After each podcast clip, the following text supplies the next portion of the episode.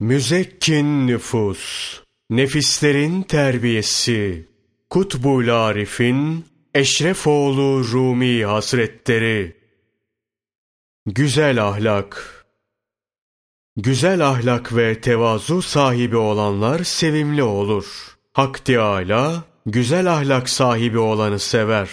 Cenab-ı Hakk'ın sevgisini Resul-i Ekrem sallallahu aleyhi ve sellem şu hadisi şerifinde buyurmuştur. Kıyamet günü mizana konulacak ilk şey güzel ahlaktır. Güzel ahlak bütün amellerden ağır gelecektir. Amelleri güzel olan kişinin yeri cennettir.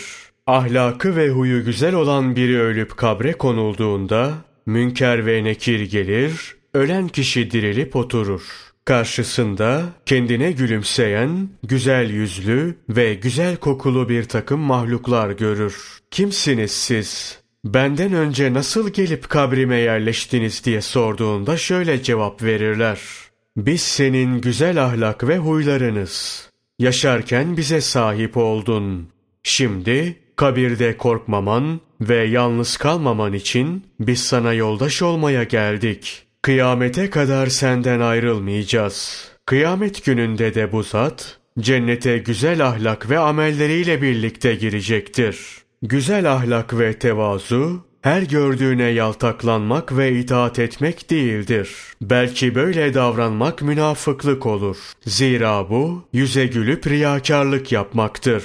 Güzel ahlak ve alçak gönüllülüğü sana tarif edeyim. Bunlar nasıldır öğren. Öğren ki buna göre davran ve bu fakiri de duanda unutma. Bu fakirin ruhuna fatihalar gönder.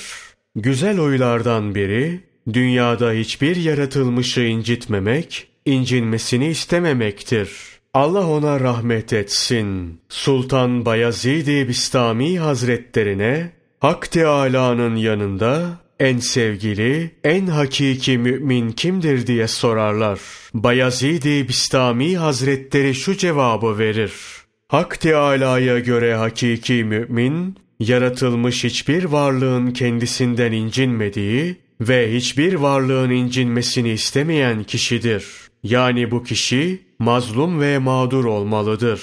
Cenab-ı Hakk'ın yanında mazlumların ve mağdurların duasının kabul gördüğünü görmüyor musun? Güzel ahlakın birinci mertebesi mazlumiyettir. Bir diğer güzel ahlak, kimsenin sırrını araştırmamaktır. Bir sırra vakıf olunduğu durumlarda, bunu örtmeye çalışmak, kimseye söylememek gerekir. Görülen aybı örtmek, güzel ahlaktan bir vasıftır.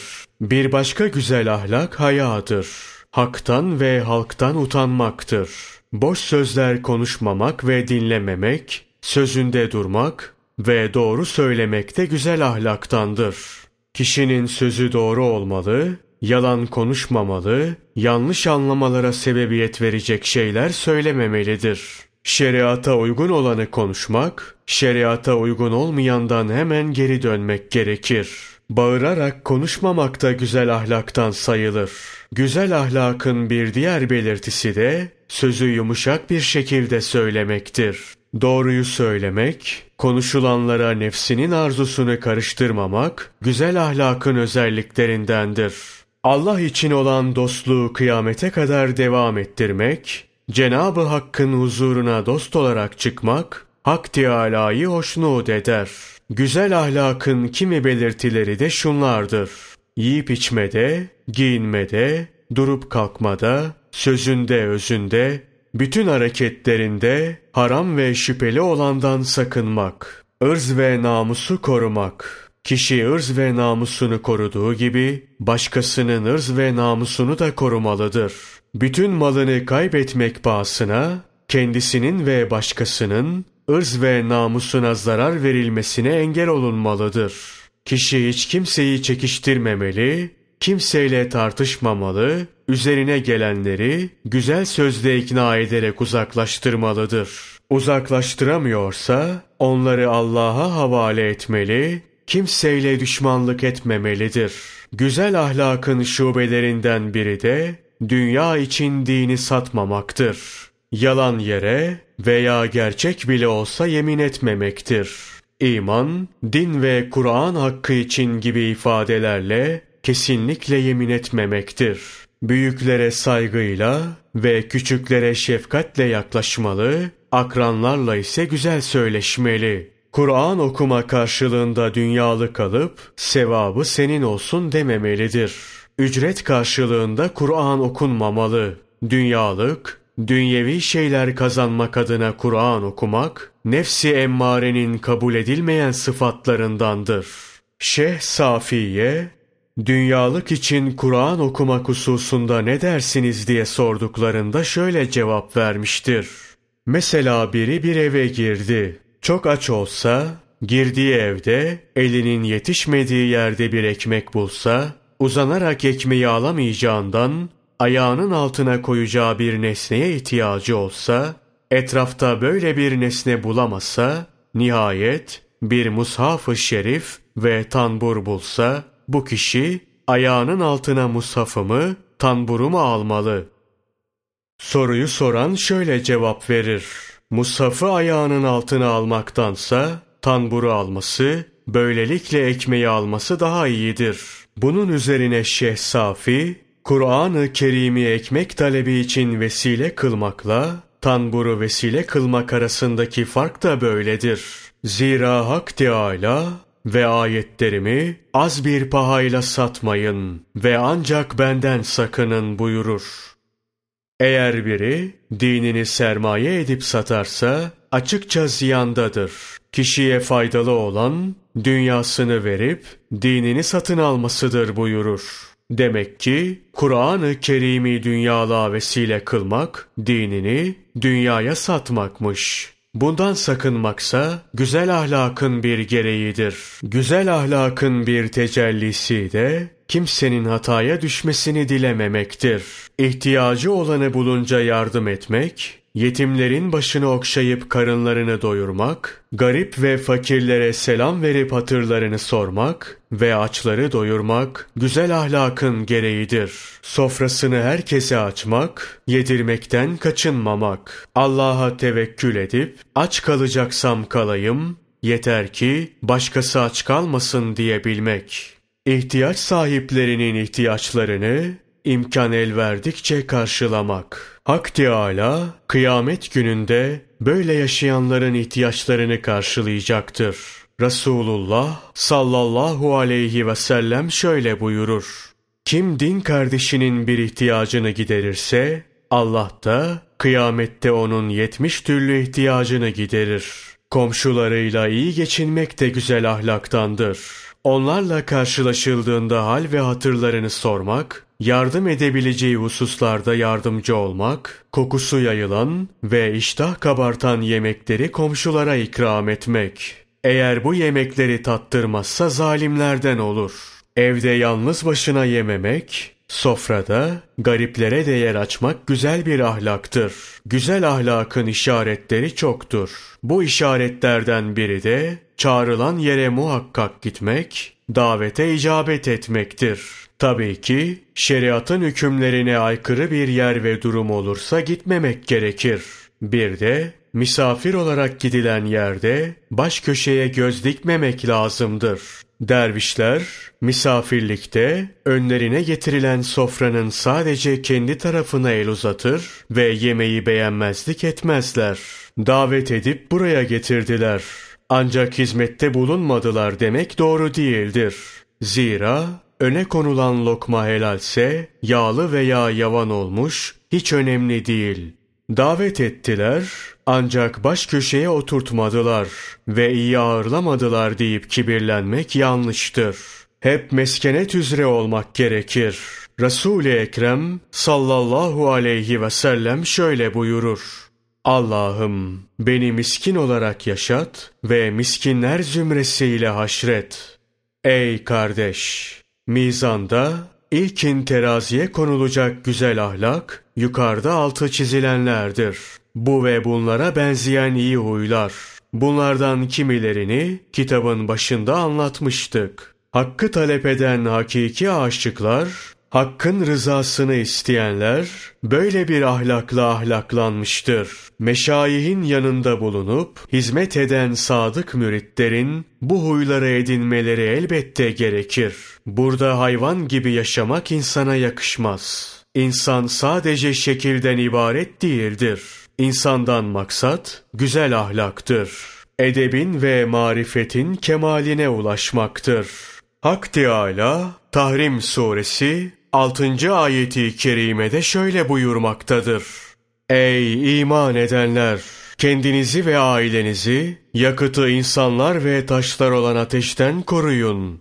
O ateşin başında gayet katı, çetin, Allah'ın kendilerine verdiği emirlere karşı gelmeyen ve kendilerine emredilen şeyi yapan melekler vardır.''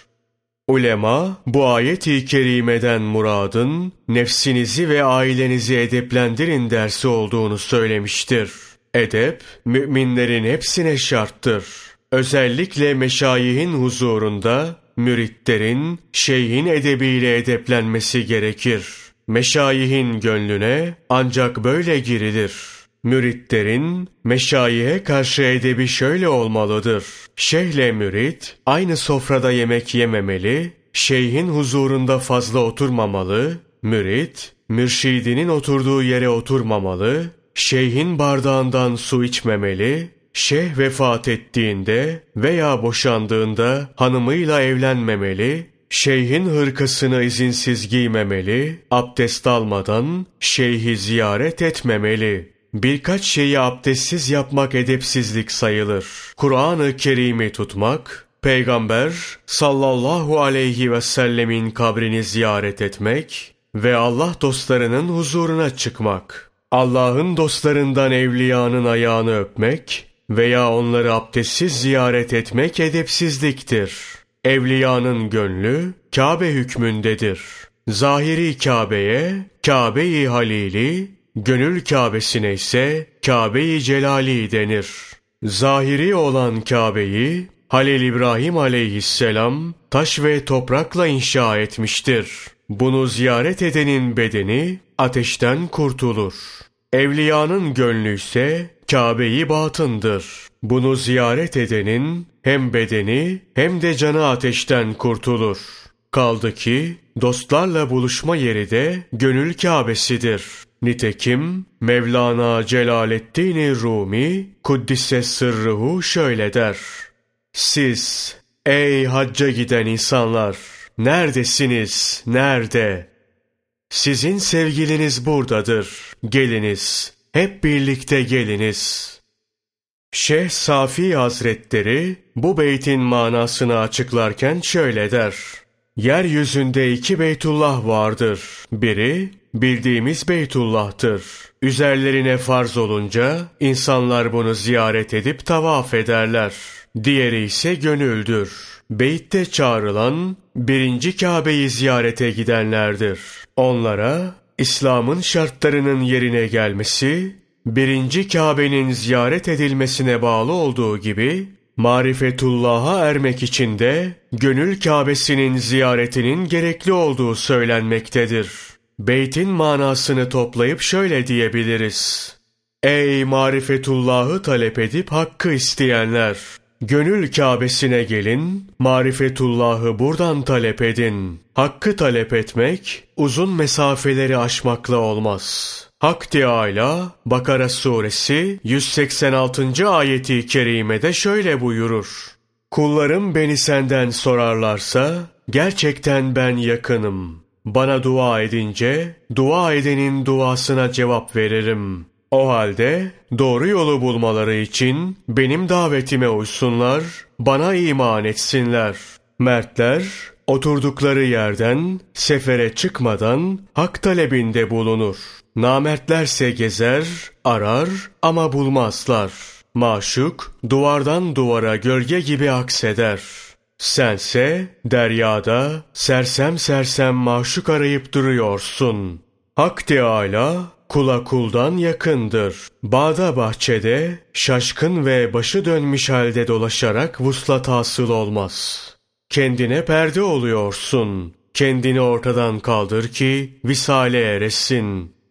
Şu beyitte Allah ona rahmet etsin Şeyh Fahrettin Iraki'ye aittir. Varlığın delilidir. Yakın olan her mevcut. Can ve canan, gönül ve din, her ne varsa hep odur. Demek oluyor ki Evliyaullah abdestsiz ziyaret edilmez. Bu edepsizlik sayılır.